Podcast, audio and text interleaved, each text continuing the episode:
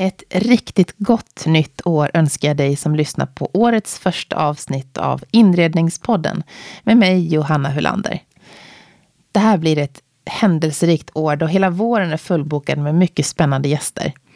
Jag kommer att resa runt både i Sverige och Europa för att träffa de mest intressanta skandinaviska personligheterna inom inredning, design eller arkitektur. Nu i januari kommer också det första nyhetsbrevet att skickas ut, så skriv in din mejladress på inredningspodden.com så missar du inga nyheter.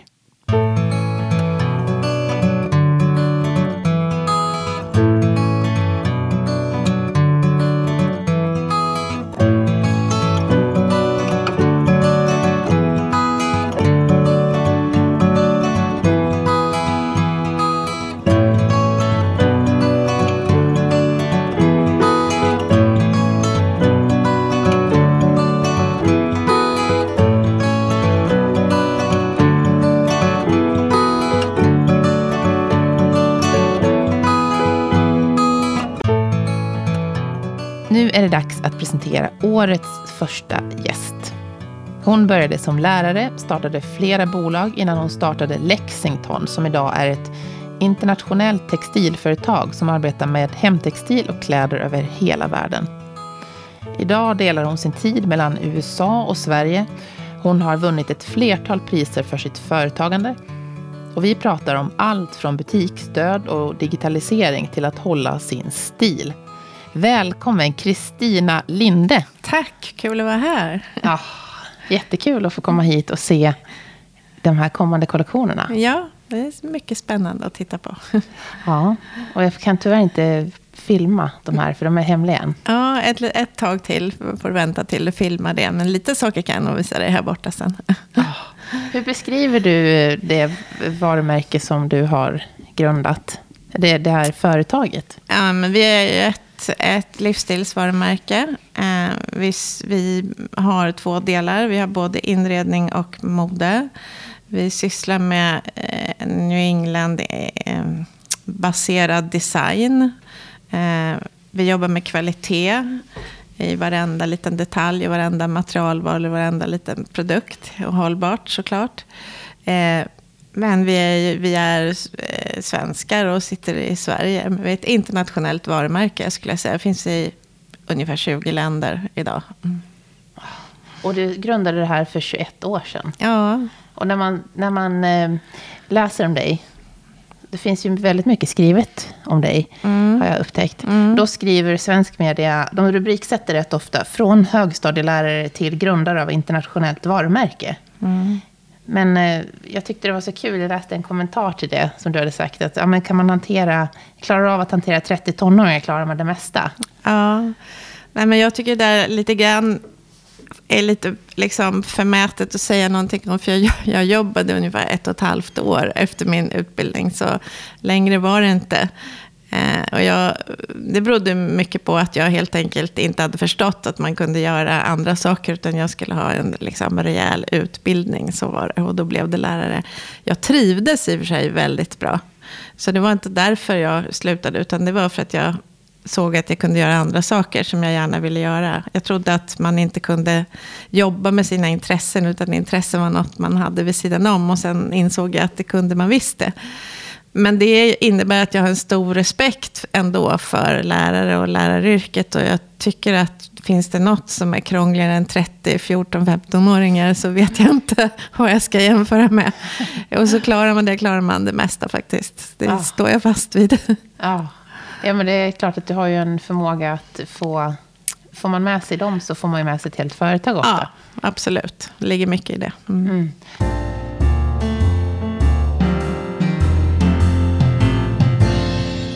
Du grundade först två företag. Mm. Och sen gick de inte, så la du ner dem. Jo, de gick. De gick aldrig dåligt faktiskt. Utan största problemet med dem, först var det butiker. Det var sommarbutiker. Sen startade jag ett varumärke som heter Arctic Wool Design som var ullfiltar. Så jag bytte från sommar till vinter. Men jag jobbade ju med väldigt korta säsonger. Och det gick det gick bra. Båda verksamheterna gick bra. Men de höll ju inte året runt. Och jag vill ju ha en verksamhet som liksom fungerar att bygga på. Och som och som också byggde, eller någonting som man kunde jobba med hela tiden. Eh, och sen var vi en grupp, det var inte bara jag som startade, utan vi var ett par stycken eh, och som hade lite olika kompetens in i det här. Eh, och några, någon försvann lite tidigare och några försvann på vägen. Men, men det var så det var i alla fall. Mm. Det var så det var med Lexington när du Ja. startade? Ja. Ja, men det är ändå en... Du, du, du har ju ändå varit med och grundat tre bolag då i början. ja, var det absolut. Ja, absolut. Mm. Det. Hur- Vad är det för egenskap som gör att du bara... Nej men nu så tjoff. Kände, kände du direkt att det här, det här är this is it när du startade, när du startade Lexington? Ja, det ska jag säga att jag gjorde. För då hade jag en del internationell erfarenhet, framförallt från filtiden. Jag har gjort mycket mässor, jag såld, hade mycket kunder på olika delar i världen och sådär. Eh, och jag såg då att vad, vad man behövde göra för att kunna klara det. Och jag visste att vi skulle kunna göra det. Och sen såg jag också ett tomrum för den, det vi ville göra på marknaden. Det fanns inte riktigt någon som hade gjort inredning i det här konceptet, eller den stilen då. Eh, så att det, jag visste att det skulle kunna fungera väldigt bra och att det fanns ett intresse. Det är lätt att tycka om den här, den här stilen och den är inte så krävande egentligen som, som andra saker. Utan det går liksom att passa in i olika sammanhang. Och det förstod jag att det fanns människor runt om i, i världen på olika marknader som, som tyckte om. Och så är det ju bevisligen. Ja. Du, du har ju vunnit en mängd olika priser också för ditt eh, ledarskap och företagsamhet. Ja. Vad är det som har, som har gjort dig till en bra chef? Idag leder du ju 120 personer. Ja. Nej, men först är jag nog väldigt envis och det har väl varit en väldig styrka. Eh, och eh, ibland en svaghet också, ska jag säga. Men jag tror att i början är det ändå en styrka för att man liksom aldrig ger sig. Och jag gillar fortfarande inte att göra det, även om jag har blivit lite mer ödmjuk tror jag med tiden. Vilket är klädsamt åtminstone. Sen tror jag att jag är väldigt tydlig också. Allt är på gott och ont. Det finns ingenting som bara är bra eller bara är dåligt. Men jag är också väldigt tydlig, så man vet, tror jag, vad, vad man kan räkna med. Och jag är ganska tydlig med vad jag tycker och inte tycker. Och ibland lite för tydlig. Samtidigt så ger ju det också någon stabilitet åt hela konceptet som har gjort att vi har hållit ihop det under den här tiden. Och det tror jag har varit en, en styrka. Du jobbar ju inom så många olika länder. Ni är inne på 20 länder just nu. Mm. Är det, får du lov att anpassa dig när du, när du pratar med dina medarbetare på olika, på olika sätt? Eller kör du din linje rakt av? Alltså idag träffar jag ju dem egentligen i, i, i de sammanhang när vi har stora presentationer eller sådär, när de är här. Och, eh, och då är det ju mer landschefer eller agenter och distributörer beroende på vilken som det är. Sen är jag ju ute ibland i, i butiken också på olika ställen förstås också och. Men jag tycker inte att jag anpassar mig så väldigt mycket. Det, det, jag tror att jag är rätt mycket som jag är helt enkelt. Eh, och jag har inte riktigt behövt. Det är klart att vi måste anpassa saker i, i, i själva företaget eller själva affären med vissa bitar och så. Med, så är det ju. Men vi har ju aldrig riktigt anpassat något sortiment eller så. Så jag har inte behövt göra avkall på sådana saker. Och det har ju väl varit ganska viktigt. Idag delar ju du din tid mellan USA och Sverige. Mm. Hur, hur skiljer det sig att driva inredningsföretag i de här olika länderna? Eh, nej, men i Sverige, jag, jag, jag är fortfarande så att jag har mest tid i Sverige, men jag bor i USA också. Eh, det, den stora skillnaden är nog egentligen i kulturen. Alltså vi, och det tog mig ett tag att upptäcka att när vi, vi svenskar är... Vi tycker att vi förstår USA, att vi kan allting med USA och att det är ganska nära oss och sådär. Jag skulle säga att det är mycket längre ifrån än vad, än vad man tror. Och det upptäcker man först efter ett tag. För att det är så lätt att prata med alla och alltihopa där i början. Men det är mycket mer hierarkiskt i USA. Det tar väldigt lång tid, vissa saker. Det är väldigt mycket administration. Och den här äh, platta organisationen som vi svenskar gillar och som vi lätt kan föra över i vår verksamhet, den, den är mycket mer det, det, fungerar inte så där, utan man måste vara hela tiden säker på att man får göra. Man gör ingenting om man inte är säker på att man får eller att man har fått ett direktiv. Så att det här att ta eget ansvar och jobba inom givna ramar och så, det är mycket, mycket svårare där. Och det tar tid innan man förstår det. För det händer liksom inte av sig själv riktigt. Där. man tar det för givet såklart. Man tar det för givet. Mm. Vi är så litet land, vi är så nära varandra. Och liksom allting ändå på något sätt har man ju omkring sig. Även om du inte har direktkontakt med en person. Och det är så otroligt stor skillnad på det. Oh. Faktiskt. Är, det, vilken är, är USA er största marknad? Nej. Nej. Nej, det är det inte. Vi är större i, i, i andra marknader i, och i Europa. Och vi är ju också, har ju rätt mycket verksamhet i Kina faktiskt. Vi har, tillsammans med en businesspartner i Kina så har vi 25 butiker ungefär eh, i Kina och säljer också online i Kina. Jaha, mm. det kändes väl lite för mig oväntat. Ja, att ni har 25 butiker ja, där. Ja. ja, det är spännande det är nog helt annat det också. Ja, ja. Men, men eh, du vill ändå hålla kvar vid att vara halva, eller dela din tid med USA? Ja, men det är så mycket annat som vi får därifrån. Dels jobbar jag där ganska mycket, för vi gör ju alla våra fotograferingar och allting sånt i princip där. Och jag är väldigt involverad i det fortfarande och har alltid varit och, och kommer att vara, för att det är en viktig del för oss då. Och sen jobbar vi väldigt mycket med, vi har ett par stora kunder där, när det gäller e-handel och så. Men sen är det också väldigt mycket när det gäller eh, e-handel och också kommunikation som sker där, skulle jag säga. Det är där det händer. Så det är där man lär sig också saker. Det är fortfarande så att du kan ta med dig väldigt mycket kunskap därifrån eh, till, till Europa. Eh, så, på ja, många okay. olika områden. Eh, det är lite fascinerande att det fortfarande är så. Men jag, jag, jag, tycker verkligen att det är viktigt. Det var just det också jag tänkte fråga dig om. För vi ser ju den här butiksdöden som, mm. som brer ut sig eh, på många håll. Mm. Och även i USA då. Mm. Hur tror du att det kommer att bli? Eh, hur ser du på att sälja inredning och, och, och mode framöver? Alltså, först och främst så är butiksdöden mycket, mycket allvarligare och mycket, mycket mer i USA än vad det har kommit hit. Vi är ju inte där på den nivån än som är där. Det är ju vissa kvarter som har tömts faktiskt på, på Manhattan. Det är ganska skrämmande. Sen har det ju kommit en motreaktion. Så idag så öppnar ju flera av eh, e-handlarna butiker för att kunna visa upp sina koncept. Och ibland är det lite mindre sådana här pop-up-butiker. finns ett par stycken i Soho till Amazon som precis öppnade en, en butik där också. Där mm. alla andra har stängt. Så att det finns en motreaktion mot det här. Och det har ju också, det har att göra med att jag tror att kunden någonstans vill faktiskt eh, kunna ta på produkterna och klämma och känna. Och någonstans så vill man ha liksom någon förståelse och relation till konceptet. Och online är det väldigt svårt att visa en helhet med produkterna. Du kan visa kanske en lifestyle och sådär. Men du har väldigt svårt att visa, då blir ju sortimentet så väldigt redovisande. Och någonstans vill du ha sammanhangen. Och det har man svårt att visa digitalt. Och då vill man visa det när man kan gå runt och ta i saker och sådär. Så jag tror inte att butiken som fysiska butikerna kommer att försvinna. Eh, jag tror att det kommer att ske en, en, en, en, en ytterligare stålbad, tyvärr.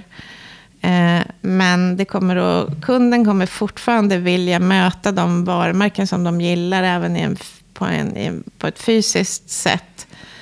Och jag tror att det mer kommer att handla om att vi måste se var, var våra kunder finns och hur de vill handla. Och en del kommer att vilja handla online, en del kommer att vilja handla i butik, en del kommer att vilja handla någon, av någon e-handlare för att de vill köpa andra varumärken samtidigt. Och någon vill, vill absolut handla från oss för att det är där de känner att de... sätts. Så att vi måste, det är den delen vi behöver anpassa oss i. Men, är det det ni jobbar mycket med nu? Och se? Ja, ja. väldigt, väldigt mycket. Liksom. Ja. Jag, jag, tror inte vi är ensamma om, om det, absolut inte. Men vi, vi, det är så alla, man måste jobba så nu. Det finns, ingen, det finns inget annat. Och det, det, det är en process på alla nivåer.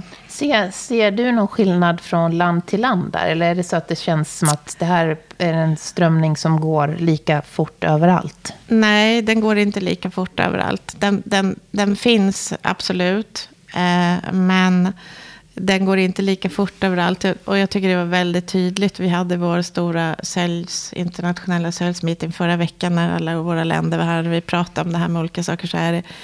det, det, har inte hunnit lika långt i, i, i alla länder. Absolut inte. Men det kommer att komma. Eh, så att kan man ligga bra till där, då har man ju liksom ett försprång. Så Sverige är nog ändå relativt före de andra nordiska länderna till exempel. Om du skulle startat din verksamhet idag, mm. är det någonting som du skulle gjort annorlunda då? Hur skulle du ha startat då? Inte när det gäller själva varumärket och produkterna. Det hade jag inte startat annorlunda. Jag är väldigt stolt över det vi har gjort och vår, våra, våra produkter. Och vi har ju mm, liksom produkter som... Jag har ju saker hemma som är från när vi började. Som jag fortfarande använder och som är lika fina. Så det skulle jag inte göra annorlunda. Men sen är det såklart att då fanns ju inte den eh, e-, e-handel och webben och på det sättet. Så det klart att jag skulle ha byggt kanske mer ifrån det idag för att slippa göra den här transformationsresan eh, som vi måste göra nu. Det hade jag ju gjort annorlunda, absolut, för att vara i tiden. Men inte när det gäller konceptet och produkterna. Det hade varit, nog varit ungefär lika. Mm. Sen tog du in eller ni tog in, din man började jobba i verksamheten 2003. Mm. mm. Och även något, no, något av dina barn. Ja, vår äldsta son jobbar här också. Mm. Hur, hur påverkar det företaget? Eh, idag vet jag inte om jag tycker att om det påverkar så mycket. Eh, mer än att jag tycker att vi har en stark ledning. Men då var det så att jag kom till en viss nivå och jag kände att jag kommer inte komma längre. Jag kommer inte att klara det här själv. Jag har ju inte kunskaper i alla områden. Jag har ingen ekonomutbildning till exempel. Eh, och idag är vi ett noterat bolag, så vi måste liksom ha alla, alla de här kom, bitarna. Precis, det kom också 2015 då, 2015, ja. Så alla de här sakerna måste såklart vara på plats då. Eh, men då var det så, då var vi en sju, åtta stycken tror jag. Och jag kände att ska det här lyftas så kommer vi behöva ha fokus på alla olika delar. Jag, jag säger väldigt ofta här att ingen Eh, kedja är starkare än den svagaste länken. Och det är verkligen så, för att alla delar måste fungera. Eh, det, det, går inte att göra bara bra produkter. Det måste liksom, det, de ska komma fram i tid, de ska kosta rätt pris och man ska få in pengar från betalt för varorna och allt det där liksom, för att kunna växa. Och då kände jag att jag kommer inte att klara hela den här biten själv. Vi måste ha en annan ledning om vi ska, det ska sätta fart. Och då tyckte jag att det var en väldigt bra idé att han skulle börja jobba hos oss. För han hade ju de delarna som jag inte hade han kanske inte tyckte att det var li riktigt lika bra idé i början. Sen, så, att, så framförallt inte när han skulle få lön, för han fick ju liksom typ halvera sin lön. Men jag var ju väldigt naiv och tänkte att äh, det där löser sig, bara vi gör de här grejerna så löser men, och allt det där gjorde ju det också, för att sen, det som hände var att det satte fart efter det och att vi verkligen fick fokus på alla de här sakerna som man som man glömmer bort när man är en kreativ själ och tycker det är roligt och fint att göra bra produkter och fina liksom, inredningar och styling och sådär. Att alla saker måste, måste funka. Eh, så då växte vi ju hela vägen sen efter det. Så det, det har ju varit en väldigt bra resa. Idag är vi ju flera stycken som har ansvar för olika funktioner. Det finns ju flera i ledningsgruppen och sådär. Och vi har ju den typ mycket mer strukturerade möten på det sättet. Så att visst, vi är gifta med varandra, vi kommer hit på, tillsammans på morgnarna. Men jag, jag har nog tillbringat fler timmar med andra personer på jobbet än vad jag tillbringar på honom. Men vi åker hem tillsammans varje dag. typ så. ja, men det är bra. Ja. Och det funkar väldigt bra. Ja, det är, det är säkert många som lyssnar som tänker det. Undrar hur det skulle vara att jobba med sin familj. Och ja, sin jag man. tycker nog att det är en av de bästa besluten vi har tagit. För att eh, jag tänker att det är en ynnest att få dela alla de här fantastiska upplevelserna och sakerna som, som man har fått vara med om. Och alla de här människorna som har träffat och miljöer som man har varit i och sådär. Och kunna dela med det med någon den person som står en närmast. Det är ju bara fantastiskt. Och liksom, eh, jag skulle kanske tyckt det var svårt att komma hem och berätta att, att jag hade ätit middag med Alec Baldwin till exempel, som har hänt ett par gånger. Oh. För han är en stor han är en kund jag känner honom lite grann. Det är så konstiga grejer som kan hända. Eller när man har varit i något sånt fantastiskt hus någonstans och ska fotografera. Liksom så. De här grejerna känns bara så kul att kunna dela helt enkelt på ett ganska naturligt sätt. Ja, ni har ju en sån, den, den butiken i East Hampton ser ju riktigt sådär filmstjärne-tjusig ut. Är det många har ni ett sånt klientel? Ja, det tråkiga är att jag inte känner igen dem. alltså, så här är det ju, att där ute, där bor ju folk, många, det finns ganska många som bor där runt, många pendlar ju också in till stan eller bor där i veckorna, eller många har ganska kreativa jobb. Just där är det rätt mycket just filmstjärnor, och filmregissörer, skådespelare och sånt där, konstnärer. Men när de är där så de går ju runt i sina fleecetröjor och flipflop och keps som alla andra. Så jag har inte, det är väldigt svårt att kolla. De ser inte ut som på film. Aj, så aj. det är inte riktigt så. Det är väldigt mycket mer basic än vad man kan tänka sig. Det finns där glamorösa livet, absolut. Som du kan se också. Men jag skulle säga att det är inte det som är det härliga. Utan det härliga är det här andra, liksom, med naturen och allting sånt.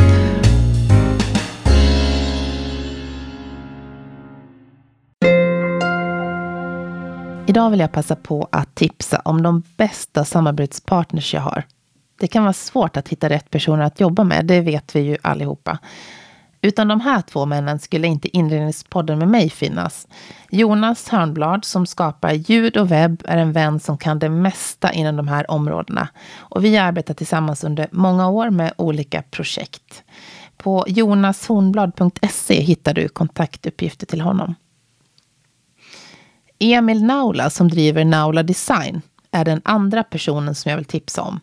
Han arbetar med varumärken och grafisk profil och har skapat Inredningspoddens profil och logo. Du når honom på design.naula.se. Ett stort tack till er båda och hör av er till dem om ni behöver hjälp inom de här områdena.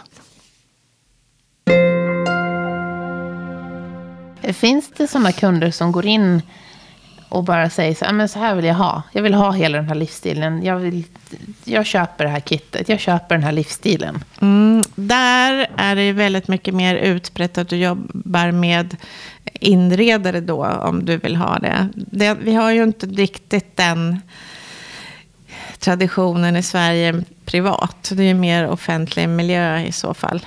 Eh, här vill ju väldigt många göra någonting själva eller de vill ha hjälp lite grann. Liksom. Där, vill du, där är det inredarna som är stjärnorna, in, inte, inte varumärkena. Utan där är inredarna som är stjärnorna. Och där är det lite status att då ha fått sitt hus inrätt av den och den. Och då sätter ju de ofta en sån här prägel på något sätt som ska vara deras prägel då. Kan bli lite opersonligt ibland kan man tycka då. Men, men men så är det ganska mycket. Samtidigt så har vi ju de där som ska ha middag och som kommer in och köper liksom 24 av allting då. För att de, de har liksom inte bara fyra på middag utan de har 24 ja, på middag. Okay. Så det, den delen finns ju också. Så är bägge delar där liksom.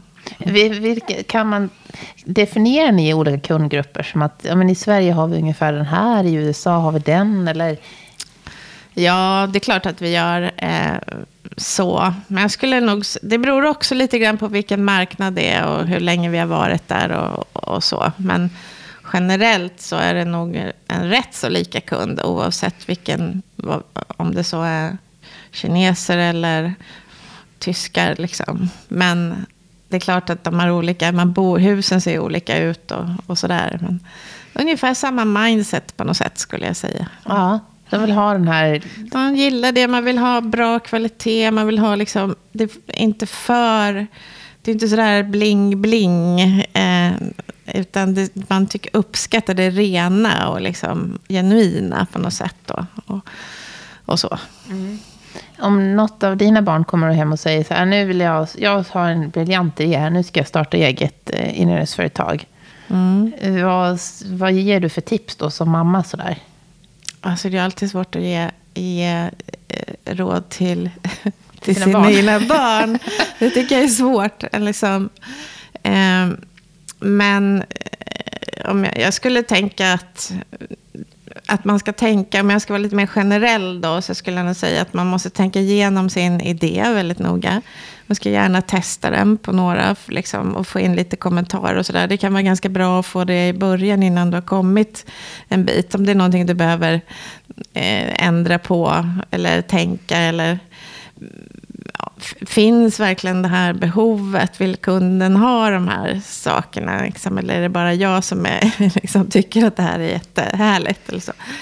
Och sen när man har kommit så långt så skulle jag också faktiskt säga något så tråkigt som att man behöver göra en liksom, lite affärsplan och räkna lite på det och göra en, åtminstone en enklare budget. För att du kommer nog inte så långt med att, att bara göra en, en produkt som du, som du tycker är fin. Eh, det blir liksom lite mer art då än, att, än det blir kanske ett, ett företag eller ett varumärke eller vad det nu är du ska göra för något. Så det är trots allt viktigt. Mm.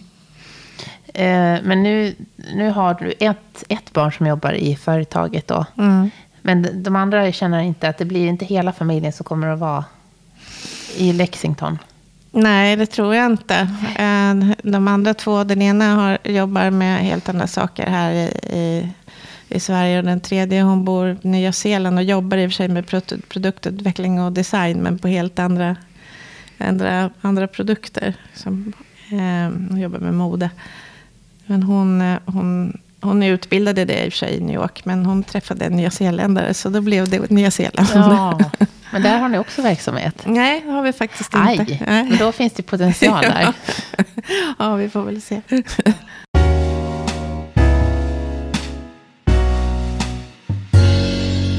Har du fyllt 60 år? Mm. Ah. Får man säga grattis i efterskott? Ja, alltså jag vet inte. Jag tycker mest det är deprimerande. Men du, det känns som du kommer att jobba hela livet. Ja, men det kommer jag nog. Jag har nog svårt att tänka mig att inte, att inte jobba. Eh, så, det vill jag ju göra på, på olika sätt, absolut. Men jag har jättemycket som jag vill göra. Så det, jag ser liksom inte någon sån horisont. Kommer du, har du några nya planer? Ja, det har vi hela tiden. Det är liksom, ja, mitt största problem är nästan att hinna med och göra de saker som jag vill göra. Sen är det väl lite grann så att med tiden, att de grejer som inte var som inte riktigt håller, de blir ju liksom inte riktigt genomförda heller. Så att ibland kan det vara bra att ha lite eh, distans, liksom, eller få lite, att det, att det inte går riktigt så fort som man egentligen vill med allting. För att du kan undvika riktigt de sämsta grejerna, höll jag på att säga. Men vissa saker löser sig lite av sig själv för att det helt enkelt inte var en tillräckligt bra idé. Så kan det vara. Men, men jag har liksom en lista sådär hela tiden. Att det här och det här och det här. Men nu har jag så kul för att jag har väldigt många bra, jättebra medarbetare här. Så att man kan liksom kasta ut idéer och sen så blir det någonting av dem som kanske faktiskt är mycket bättre än vad jag tänkte från början. Och det är ju så otroligt roligt. Det är nästan en av de roligaste sakerna med, med hela allt nu. Och det gäller både liksom design och en ren... En, en, en, ta fram en, ett bäddlinne eller en skjorta eller vad det nu är för någonting då. Till liksom en kommunikationsidé eller, eller vad det kan vara. Hela. Så det är jättekul. Så du, när du sådana här, eller vad är det för typ av drömmar du när just nu? Kan du inte avslöja lite sådana här, det här är nog någonting som jag kommer att göra om tio år? Eh, om tio år vet jag inte, jag tänker inte riktigt på det sättet. Det är mer vad jag ska, man, alltså lite grann är det som att man kommer hit och så tänker man liksom, vad ska man, nu ska jag göra det här idag. Och så hoppas man att man ska hinna det idag. Men det är klart att jag har längre horisont på vissa saker. Men det handlar väldigt mycket om just nu att, att, eh, att ta hand om varumärket, att fokusera väldigt mycket och sen eh, flytta väldigt mycket, alltså få in det här digitala fokuset. Inte bara då på liksom ren distribution och försäljning, utan vi måste också ha ett sånt tänk när det gäller produktutveckling och design redan från början. Alltså alla måste ha det. Det är ju ingen som kan komma undan det. Så det gäller att få in det i hela liksom, tänket för alla. Det är speciellt och det blir väldigt konkret på vissa saker som man inte tänker att det, att det är konkret. Ja. Jag hade precis ett möte, sånt möte nu som handlar liksom om lite sortimentsplanering och så, hur man ska tänka. Det är ju så långa ledtider så att om vi inte tänker rätt från början är det väldigt svårt att eh, skifta om under resans gång. Hur lång, hur lång är ledtiden från idé till till så att säga produkt? Ja, eh, inredning är lite längre än mode. Men jag skulle säga att det är drygt ett år på inredning och ungefär ett år på mode. Kanske lite mer, men, men någonstans där. Mm. Mm. Så vi håller ju på, nu är det ju, nu håller vi på med våren 20. Och då har vi kommit lite längre på home än vad vi har på clothing kan man säga. Mm. Tycker du, är det, blir ledtiden kortare och kortare? Eller? Ja, vissa saker måste ju bli kortare då. I och med att liksom, kanalerna inte riktigt ser ut på, på samma sätt som tidigare. Och då måste man ju identifiera vilka saker kan ligga där. Och vad kan vi göra kortare och vad kan vi inte göra kortare. Så man vill ju inte tumma på kvaliteten. Så det, det är sådana saker som påverkar liksom hela alla i företaget. Förut var det lättare. Förut gjorde du en kollektion. Och så hade du en viss framtagning på den och så presenterade den och så sålde de säljarna in den. Och under tiden man sålde in den så funderade man på hur man skulle marknadsföra den. Och sen så marknadsförde man och den levererades ut till kund och så kom man och så började man om. Liksom. Idag snurrar det massa nivåer samtidigt hela, hela tiden. Eh, så det är jättestor skillnad. Ja, det låter, det låter väldigt annorlunda. Ja. Mm. Men det är också väldigt kul. Ja. Mm. Och det, kan, det med tanke på din kreativitet som verkar vara osynbar, höll på att säga.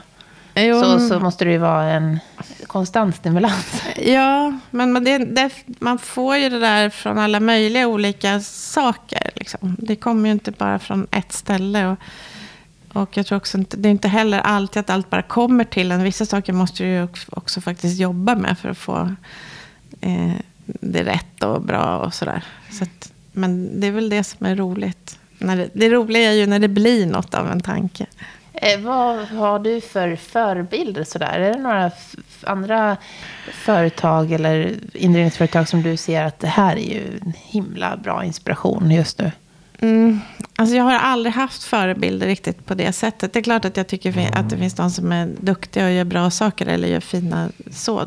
Men jag har nog mer tittat, alltså plockat lite här och där. Och, och ibland kan det vara hur någon har gjort något. Det behöver inte vara liksom exakt en, en produkt. Jag försöker titta ganska lite på andras liksom, produkter faktiskt. Så, det, eller plagg eller vad, det nu, eller vad det nu är för något. Men det kan ju vara mer att man tycker att de är duktiga på att kommunicera sitt, sitt uttryck eller, liksom så, eller göra något bra. Eller göra något som man inte är bra, så man tänker det där ska man liksom akta sig för. Men jag har aldrig haft någon sån liksom förebild på, på det sättet, varken på varumärke eller person. Det låter ganska skönt, att man går sin egen väg. Jag har alltid försökt det på något sätt. När det gäller e-handel, finns det någon sådär, jag tänker eftersom USA ligger för, främst, finns det någon förebild som man kan känna att de där ligger så långt före så att det är liksom ruskigt vad de jobbar på? Ja, men det är hela strukturerna, hur det ser ut bakom. Alltså de har ju helt andra system och det, det finns företag som liksom ligger emellan, ska säga, marketplace eller e-handlare och varumärkena då. Och de, de här systemen, det har inte riktigt kommit hit ännu. Eh, och vi har också så litet land, så liten marknad, så det kanske inte behövs på samma sätt. Men om du ska utanför och få ihop alla de här sakerna, det, det, det, är ju väldigt mycket tekniska lösningar också. Och det är ju verkligen inte min grej, men det måste man också ha, ha med sig i det här. Annars fungerar det ju inte. Det är ju system som ska integreras och sådär. Så plötsligt från att det varit liksom ett inredningsföretag så, så måste du ha en, liksom, en techdel med dig också. Och det tror jag många inte kanske förstår. Men så är det idag. Ja, det är klart. Och så distribueras över hela världen. Ja, jag tror att det är bara lite färre länder, bara i Skandinavien så, så kommer du ju in i det där om du, ska, om du har olika typer av kunder och så. Så, att, så det, det, det är någon, en utveckling som är ny och som är kanske ganska främmande för dig som kreatör eller inredare eller så. Men du har ju varit... Tidigare så har man kanske varit ganska nöjd med att man har gjort en en inredning eller några produkter eller en skyltning eller butik. Eller så, och du, kunde, du kan göra, kunnat göra sakerna väldigt mycket här och nu. Om du, inte, om du inte jobbar med produktutveckling och design, för då har du ju alltid legat långt innan. Men, men tidigare så i butik och sådär, så har du ju kunnat göra sakerna här och nu. Du kan ju inte det längre, så du måste liksom ligga mycket för att ha kopplat ihop alla saker och få det. Så det, det är ju en jättestor skillnad i det här. Mm. Samtidigt låter det ju det är otroligt intressant. Att det, det blir liksom som ett pussel. Ja, verkligen. Hela... Samtidigt är det tråkigt att sitta och göra en inredningspodd och säga att man måste ha te teknisk utveckling och så. Men det är ju så det är nu. Ja, det är ju det att förhålla sig till när ja, man startar. Ja. Också för de som lyssnar och vill starta, starta upp ett. För många, många vill ju, tycker att det är drömmen. Ja. Det du har startat. Ja, wow. men man ser liksom. Och sen det räcker inte, utan du måste titta liksom bakom vad som behövs också. Ja, men det ger ju också utrymme för en annan grupp. Mm. De som har teknisk kompetens då kan ju också... Ja, jag tänker att det är perfect match också, för man behöver ju varann. Det ja. finns ingen som är bra på allt. Mm. Eh, så det, det är jättebra man kan hitta sådana kopplingar. Jag tänker, du jobbar ju med, eller ni, Lexneus står ju för hög kvalitet. Mm. Jag vet, som du sa, man mm. har samma handduk som man fick 97 typ, mm. håller än. Mm. Och det är ju fantastiskt. Eh, hur, hur är det, ni tillverkar i Portugal, Kina? Vi har väldigt mycket tillverkning i Europa, framförallt Portugal. Då. Vi har också tillverkning i alltså andra europeiska länder som Italien och så också, även om det är mindre. Sen har vi en del i Turkiet. Vi har eh, lite Kina. Eh, flyttar en del från Kina just nu. Det, lilla, alltså det, är inte, det är verkligen inte majoriteten, men vi, kommer, vi har flyttat en del i alla fall. Eh, och vi har Indien också. Indien har ju ett annat kunnande och ett annat hantverkskunnande på vissa saker som man behöver för att kunna göra vissa typer av produkter. Du kan egentligen inte göra dem någon annanstans riktigt. Så, att, så ser det ut. Men just bäddlinnet är 100% Portugal faktiskt. Och är det de som du har jobbat med sen, sen starten? Ja, flera av dem. Det var, jag åkte ju runt då eh, och, och fick lite hjälp och, av folk där nere och liksom hitta leverantörer. Och några av dem har vi, några har vi jobbat med ända sedan dess i princip. Då, som trodde på det här. Och som också som var, vår affärsidé från början var ju att göra bäddlinne av skjorttyger. För att hitta den här känslan som man har när man har en, en skjorta på sig av bra kvalitet och som sitter bra. Så det är ju en fysisk känsla som vi ville ta med oss in i, i, i, sängen helt enkelt. Att man får den här känslan av att det är härligt när du går och lägger dig. Och vi satt faktiskt och pratade om det, jag och en kollega, för en liten stund sedan. Det är en jättestark fysisk känsla av välbefinnande när du, när du går och lägger dig och sover i, i lakan som är eh, som är sköna helt enkelt mot kroppen. Det är en jättestor skillnad mot det som inte är skönt. Ja. Eh, och den känslan har ju varit så himla viktig hela tiden. Och då ville jag hitta leverantörer som kunde hitta det här som var typiskt för skjorttyger. Det är lite en annan finishering, en annan liten känsla på dem än vad det var på traditionellt hemtextil. Och då är det så att det är två helt skilda världar mellan Eh, mode och inredning när det gäller produktion och fabriker. Man, man tror inte det, men de kan vara i samma by, men de har aldrig hälsat på varandra ens. Det är så stor skillnad mellan dem.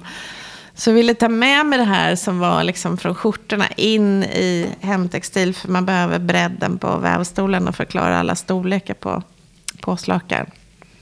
Det finns 38 storlekar på bara påslakan i Europa. Och, man, och det där är väldigt liksom hårt förankrat hos, hos, hos kunderna vilken storlek man ska ha. Speciellt på kuddarna. olika.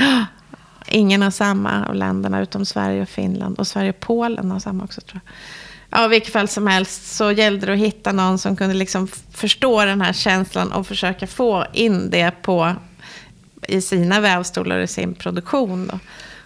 Och då hittade jag någon som ville försöka. Och, och, och, några av dem har ju då gjort att vi har kunnat fortsätta att jobba med under alla de här åren och har kommit väldigt nära. Det är mina vänner idag. Men också att vi kunde utveckla olika tekniska, alltså utveckla och förbättra kvaliteter och göra, prova saker och så. För att vi har haft den här nära relationen. Så den här hösten har vi till exempel lanserat ett nytt kvalitet av eh, bomull och tencel. Och tencel är en naturfiber i bäddlinne då. Som eh, kräver, eller det går åt mindre vatten helt enkelt när du producerar det. Och du får en väldigt härlig känsla. Du har som en bomullskänsla eh, i, i lakanen. Men de absorberar faktiskt fukt på ett annat sätt. Så det, de är också ganska liksom lite tekniskt moderna, eller vad jag ska säga, i det. Men du har inte gjort avkall för någon, av någon känsla. Och det är jättekul och fantastiskt att kunna liksom få prova sådana här saker också som är hållbara och, och så. Eh, och det har det gjort möjligt då för att vi har jobbat länge med de här leverantörerna. Det låter ju som en som en intressant som kommer nu till våren då? Nej, det finns redan ute nu. Ja, det finns hösten. redan? Ja. Mm. Mm. Mm. Intressant, det får vi gå och klämma lite på ja. här ute. Men du, när man har, lyssnar på dig så tänker man otroligt hur du hinner med allt. Hinner du med någon fritid?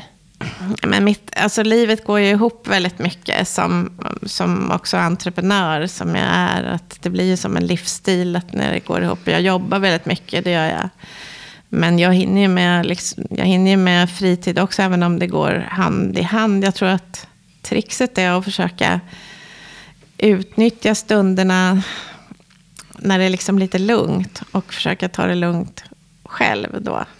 Det är svårt att skapa det där lugnet, för det, det, det, du kan liksom inte stå på perrongen och titta på när tåget går förbi och sen säga men jag ska ta det lite lugnt nu, jag tar nästa. Det funkar inte. Eh, men jag trivs ganska bra med det. Mm. Så du, du har inte sådär att jag har en stark hobby och jag sjunger i kör eller något sånt? Nej. Nej, det är inte... Nej men jag försöker vara ute mycket. Jag försöker träna och liksom, jag gillar att läsa och, och sådär. Så att, och jag tycker om att träffa, framförallt familjen är viktig. Det är den som blir prioriterad då. Eh, och vänner såklart. Men jag har ju väldigt mycket människor som jag liksom tycker om och som har blivit vänner som jag träffar genom jobbet. Så då blir nästan prioriteringen för mig större att, att, att vara nära dem, min familj och, och liksom så när man är ledig.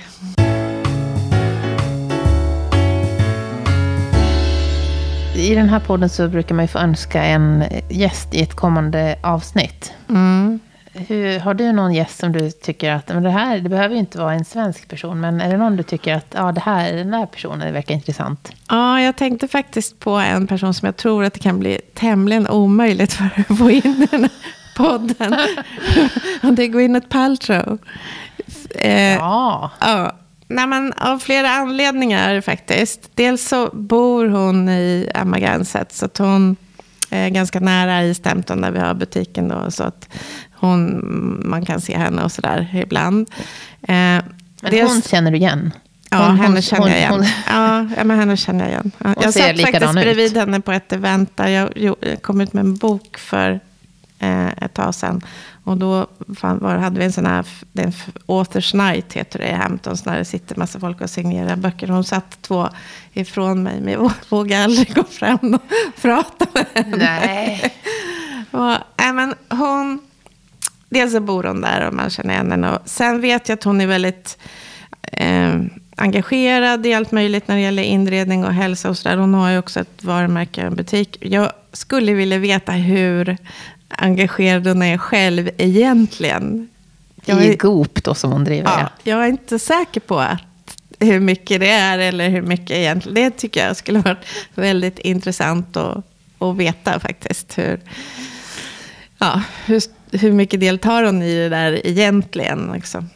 Eh, det är ju ganska framgångsrikt, hela den här biten. Verkligen Och framgångsrikt. sen skulle jag också vilja veta, jag råkar veta att hon har ananaser målade på väggen hemma. Och det undrar jag, vad var, varför då? Vad var tanken med det? Det hade varit kul att höra.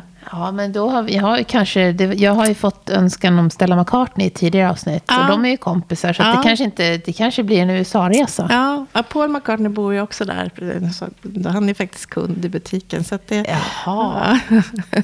Så ja, men de är nog lite community där. då men då, jag... jag- känner inte någon av dem alls. Men, Ja, vad spännande. Ja, men det, var ju, det blir ju någonting att bita i. mm. Ja, det, ta- den utmaningen antar jag såklart. ja. om, om man vill komma i kontakt med dig, hur, hur hittar man dig? man, kan, eh, man kan följa mig på Instagram. Jag heter Lexington Kristina Linde. Och där kan man ju också eh, skriva eller direkt mejla då. Eller så också info at lexingtoncompany.com. Mm. Är det någon fråga som du tycker att media och poddar borde ställa till dig som du aldrig får? Nej, men jag tycker att det är jättehärligt att, att kunna prata här om vad vi gör eh, vad vi gör nu och hur det är nu. Jag får ju alltid berätta om liksom, lärardelen och hur jag stick och virka som barn och hade snickeri i källaren och sådär, som är sant. Men det är ju kanske roligare att prata om det som vi sysslar med nu och vad som händer. Och det är ju jättehärligt att få vara med i en sån här podd och kunna göra det då. Mm, För du verkar vara mer en person som ser framåt. Ja, verkligen. Jag är, jag är ganska dålig på att ta hand om det. Som, det finns andra som är mycket bättre på det än vad jag är. Tusen tack Kristina. Tack!